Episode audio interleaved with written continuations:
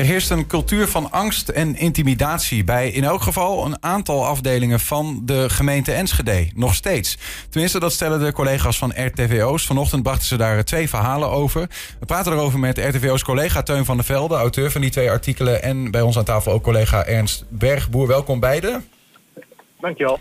Eerst even naar jou, uh, Teun. Uh, kun je vertellen, wat, wat heb je vanochtend gepubliceerd? Wat speelt er? Ja, we hebben inderdaad eh, twee verhalen gepubliceerd van, uh, op basis van gesprekken met een aantal medewerkers van de afdeling juridische zaken bij de gemeente Enschede uh, en interne documenten en e-mails die wij ingezien hebben. En daaruit blijkt dat ja, als een anderhalf jaar in ieder geval angstcultuur ervaren wordt door die desbetreffende medewerkers. Dan zou het gaan om een onveilige werksfeer waarbij niet iedereen zich zou durven uiten en ook het intimideren van leidinggevenden. Mm -hmm. ja, en dat verhaal hebben wij dus opgetikt. Ja. In, in april uh, dit jaar kwamen jullie ook met publicaties over een angstcultuur bij gemeente Enschede. Waarin verschilt deze publicatie met die? Ja, toen ging het over de afdeling uh, handhaving en toezicht. Um, en in dit geval gaat het dus om de afdeling juridische zaken. En het verschil daarin ook is dat in het voorjaar de FNV, de vakbond, aangaf signalen te krijgen van een angstcultuur. En dat het over meerdere afdelingen zou gaan. Nou ja, nu gaat dus het verhaal over weer een andere afdeling waar soortgelijke signalen uh, vandaan komen. Ja, ik begrijp ook dat in, in die publicatie van april uh, de gemeentesecretaris die jullie om een, om een uh, reactie hadden gevraagd, zeg maar de hoogste ambtenaar van gemeente Enschede, de baas van alle ambtenaren, dat die had gezegd, nou die signalen zijn mij niet bekend. Uh, terwijl jullie nu eigenlijk uit stukken begrijpen dat dat al anderhalf jaar in ieder geval op dat moment ook al bekend was. Ja, toen gaf gemeentesecretaris Kees Meijer aan inderdaad dat hij echt geen signalen kreeg van een mogelijke angstcultuur. Ja, nu blijkt uh, uit alle interne mails dat die signalen er zeker wel waren. Kijk, je kan natuurlijk discussiëren of het daadwerkelijk ook een angstcultuur is. Nou, dat kunnen wij natuurlijk ook niet beoordelen. Ja. Uh, de werknemers die wij spreken, de ambtenaren, die geven aan dat ze dat wel zo ervaren. Maar het feit dat er wel daadwerkelijk signalen waren, dat dat vast. Want dat blijkt uit e-mails die onder andere ook aan Kees Meijer gericht waren. Ja. ja dat is ook zijn reactie op, op deze publicaties weer. Hè? Geloof ik dat, dat hij zegt, ja, ik, ik heb een andere uh, kijk op wat dit is? Is het een angstcultuur, is het dat niet? Ja, hij noemt dit een incident en een casus die hij kent. Maar goed, hij haalt daarbij dus één casus aan. In dit geval worden er wel meerdere casussen bes beschreven. Dus ja, het is net de interpretatie. Hij zegt het is een incident en het is absoluut geen angstcultuur. Mm -hmm. uh, ja, wij schrijven wel op basis van de gesprekken met medewerkers dat het om meerdere meldingen gaat, meerdere signalen en dus ook niet één casus. Ja. Een van de, die, de mensen die jullie hebben gesproken, die is zelfs uh, uit de anonimiteit getreden. Die is met naam en toenaam Willy Heesen, medewerker ja. van juridische zaken, uh, ja, heeft, is bij jullie naar buiten getreden. Wat, wat zegt hij? Wat is zijn verhaal? Nou ja, hij heeft dat wel als allerlaatste stap om inderdaad nu uit die anonimiteit te treden. Hij zegt ook wel van binnen de gemeente zijn mijn meldingen en mijn klachten ook al lang niet meer anoniem. Dus ze weten binnen de gemeente wie hij is en waarom hij de, de meldingen doet. Maar hij zegt wel van ja, nu stap ik naar de pers omdat dit echt mijn laatste strohalm is. Ik zie dat het gewoon niet verandert. Dat is zijn, zijn, zijn woorden. En hij zegt erbij van ja, uh, dit, dit moet dan hopelijk een oplossing bieden. Uh, hij heeft zelf ervaren dat hij uh, nou, geïntimideerd werd door leidinggevenden dat in eerste instantie een melding die bij een leidinggevende moest blijven intern gedeeld werd, waardoor meerdere mensen wisten dat hij die melding had gedaan, een schending van vertrouwen en privacy. Mm -hmm. uh, ja, en dat, dat neemt hij wel heel hoog op. Ja, hij is, hij is zelfs uit zijn functie gezet, begreep ik ook. Ja, uiteindelijk heeft hij een brief dit jaar ontvangen waarbij uh, wordt gezegd dat er een verstoorde arbeidsrelatie is en dat dus het werken op de juridische afdeling niet meer mogelijk is. Hij werkt nog wel binnen de gemeente Enschede, maar nu dus op een uh, andere afdeling. Ja, ja. In hoeverre lijkt zijn verhaal op die van de andere bronnen die jullie hebben gesproken? Ja, de andere medewerkers die wij hebben gesproken werken op dezelfde afdeling, dus ook juridische zaken. En daarin merk je dat het verhaal uh, ja, in grote lijnen overeenkomt. Uh, per persoon zijn de, de verschillen natuurlijk wel nog duidelijk dat enkele mensen ja, andere reacties krijgen dan anderen. Maar in grote lijnen lijken die verhalen heel erg op elkaar. En dan gaat het echt vooral om contact met leidinggevenden en intimidatie die zij vanuit hun leidinggevenden ook ervaren. Ja. Bij ons aan tafel ook Ernst Bergboer, collega hier bij uh, 120. Ernst, jij bent hier ook mee bezig geweest, want de afgelopen weken heb jij zelf ook dergelijke signalen ontvangen, hè?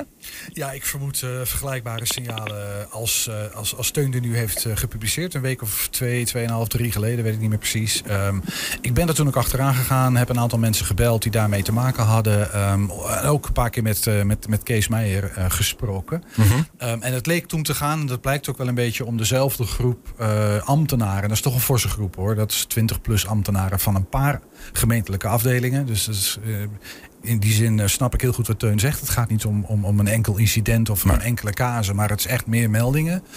Um, maar nou ja, meldingen uit uh, maart, april. En die zouden zijn uh, opgepakt met een interne vertrouwenspersoon. En uh, er zou een traject lopen van verbetering. Nou ja, nu blijkt het dat in ieder geval een aantal van deze mensen in die groep niet bepaald tevreden zijn over nou ja, de, de manier waarop dit is opgepakt. Mm -hmm.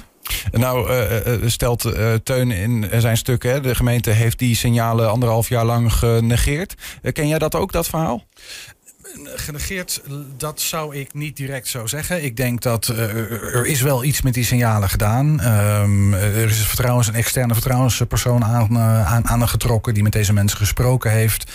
Um, Kees Meijer wist ook toen te vertellen dat het niet alleen om juridische zaken ging, niet alleen om handhaving, maar dat er ook een paar andere afdelingen waren van, nou ja, van waaruit meldingen kwamen. Mm -hmm. um, um, ik kan niet goed beoordelen, ik kan helemaal niet beoordelen hoe dat intern is opgepakt, maar dat de gemeente helemaal niets heeft gedaan, nou, dat is misschien iets te bout gesteld. Mm. Uh, maar het is wel duidelijk dat er een, een, een groep ambtenaren zegt van ja, maar het, het schiet volkomen tekort wat ze, wat ze nou ja, wat, er, wat, wat ermee gedaan is. Ja.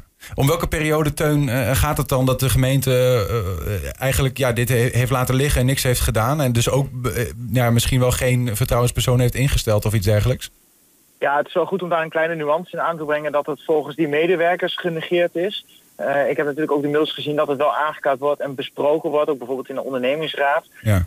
de medewerkers vinden dus dat daar niet goed op gehandeld is. opmerkelijk daarbij wel is dat de vertrouwenspersoon ook in een interne e-mail schrijft dat het allemaal erg lang duurt. Uh, maar dit gaat dus over een periode van meldingen van de afgelopen anderhalf jaar. Ja, ja. Um, Ernst, even terug naar jou. Uh, de, toen we hier uh, eerder al over spraken, zei ik van ja, wat, wat, ik zie dat dit past in een breder patroon waar ik ook als journalist mee te maken heb gehad in de afgelopen jaren. Mm -hmm. uh, kun je daar iets over vertellen? Ja, dat is een beetje tweeledig. Eén kant, ik, ik, ook in de afgelopen paar jaren heb ik met een, een, een handvol ambtenaren gesproken van weer andere afdelingen, voor een deel ook. Als de afdelingen die we, die we nu benoemen, die iets vergelijkbaars melden. Maar goed, dat zijn altijd weer persoonlijke verhalen in een persoonlijke setting. En in elke organisatie, en dat is natuurlijk waar, heeft Kees Meijer in zekere zin natuurlijk een punt. Dat in elke organisatie, ook in de onze, um, kun je dingen aantreffen waarvan je denkt van nou, nou gaat dat wel helemaal lekker, zeg maar. Hè? Dat, dat, dat, dat, dat hoort bij organisatie zijn. Tegelijkertijd waren dit toch wel een aantal signalen van ambtenaren die ik ook heb gekregen. Individuele verhalen waar ik nooit wat mee gedaan heb, behalve dan ze aangehoord. Dat is één.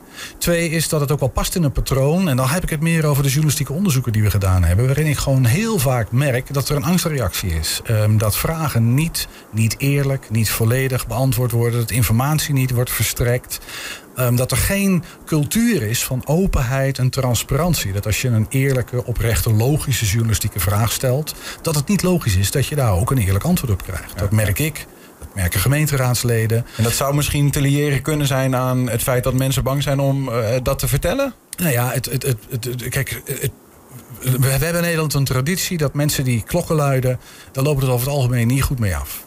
Uh, dus dat betekent dat als mensen iets willen vertellen van hè, wat, wat er mis is in een organisatie, over het algemeen krijgen die de kous op de kop. Um, de, de, de, transparantie is lastig. Het is, uh, overheden willen dat volgens mij wel graag open en transparant en eerlijk zijn.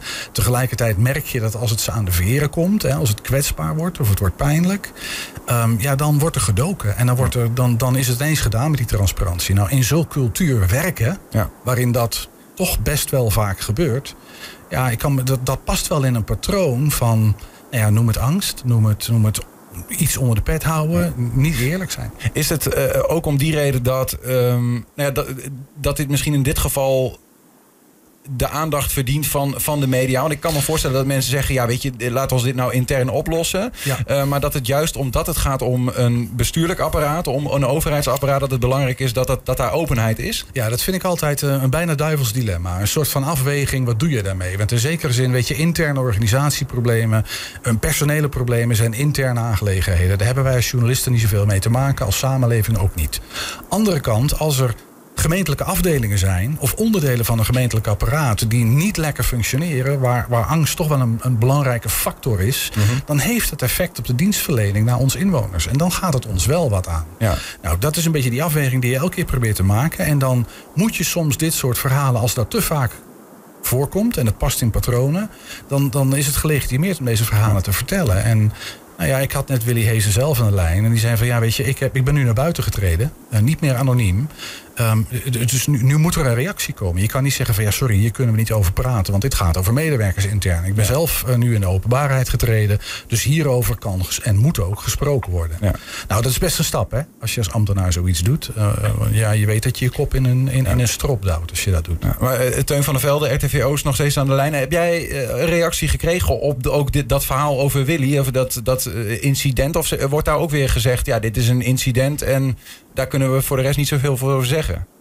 Nee, ja, de gemeentesecretaris Kees Meijer heeft dus een algemene reactie gegeven die ik een, zo net omschreef. En daarmee lijkt hij inderdaad op de, juist op de casus van eh, Willy te duiden. Eh, maar goed, daar wordt dus nog niet concreet eh in gezegd wat dan de oplossing is. Wel geeft hij daarbij aan dat zij de desbetreffende medewerker, Willy dus, uitgenodigd hebben voor een gesprek. En dat dat ook weer binnenkort zal plaatsvinden. Ja. Ehm, ja, da- daar blijft het voorlopig bij in de reactie. Ja, Ehm, en, en Willy zelf zei je net van tegen mij van dit is nou precies wat er dan gebeurt. Dan, dan wordt er met mij ik, ik hoef geen gesprek met de gemeentesecretaris. Ik heb geen probleem. De organisatie heeft een probleem. Daar moet hij wat mee doen. En nu word ik weer uitgenodigd voor een gesprek. En daar gaat het niet om. Nou, en dan is het volgens mij aan de journalistiek om uiteindelijk te vertellen dat het niet één verhaal is, maar meerdere verhalen. Teun van der Velde, daar ben ben je ook expliciet mee bezig hè, om te kijken of dit breder leeft. Zeker, en, en dat is denk ik ook wat Ernst ook omschrijft met het dilemma van wanneer publiceer je wel, wanneer niet. Het is niet zo dat elke tip die wij krijgen of elk verhaal, dat we dat zomaar klakkeloos publiceren. Eh, en in dit geval krijgen we echt signalen dat het eh, breder speelt eh, dan eerst omschreven werd en naar buiten toe gebracht werd. En dat is dan ook de reden dat we daar inderdaad een, een verhaal van maken. Ja. We, blijven het, we blijven het volgen. Teun, dankjewel voor, voor jouw werk in deze en ook dat je ons even daarover te woord wilde staan. En Ernst ook bedankt. Graag gedaan.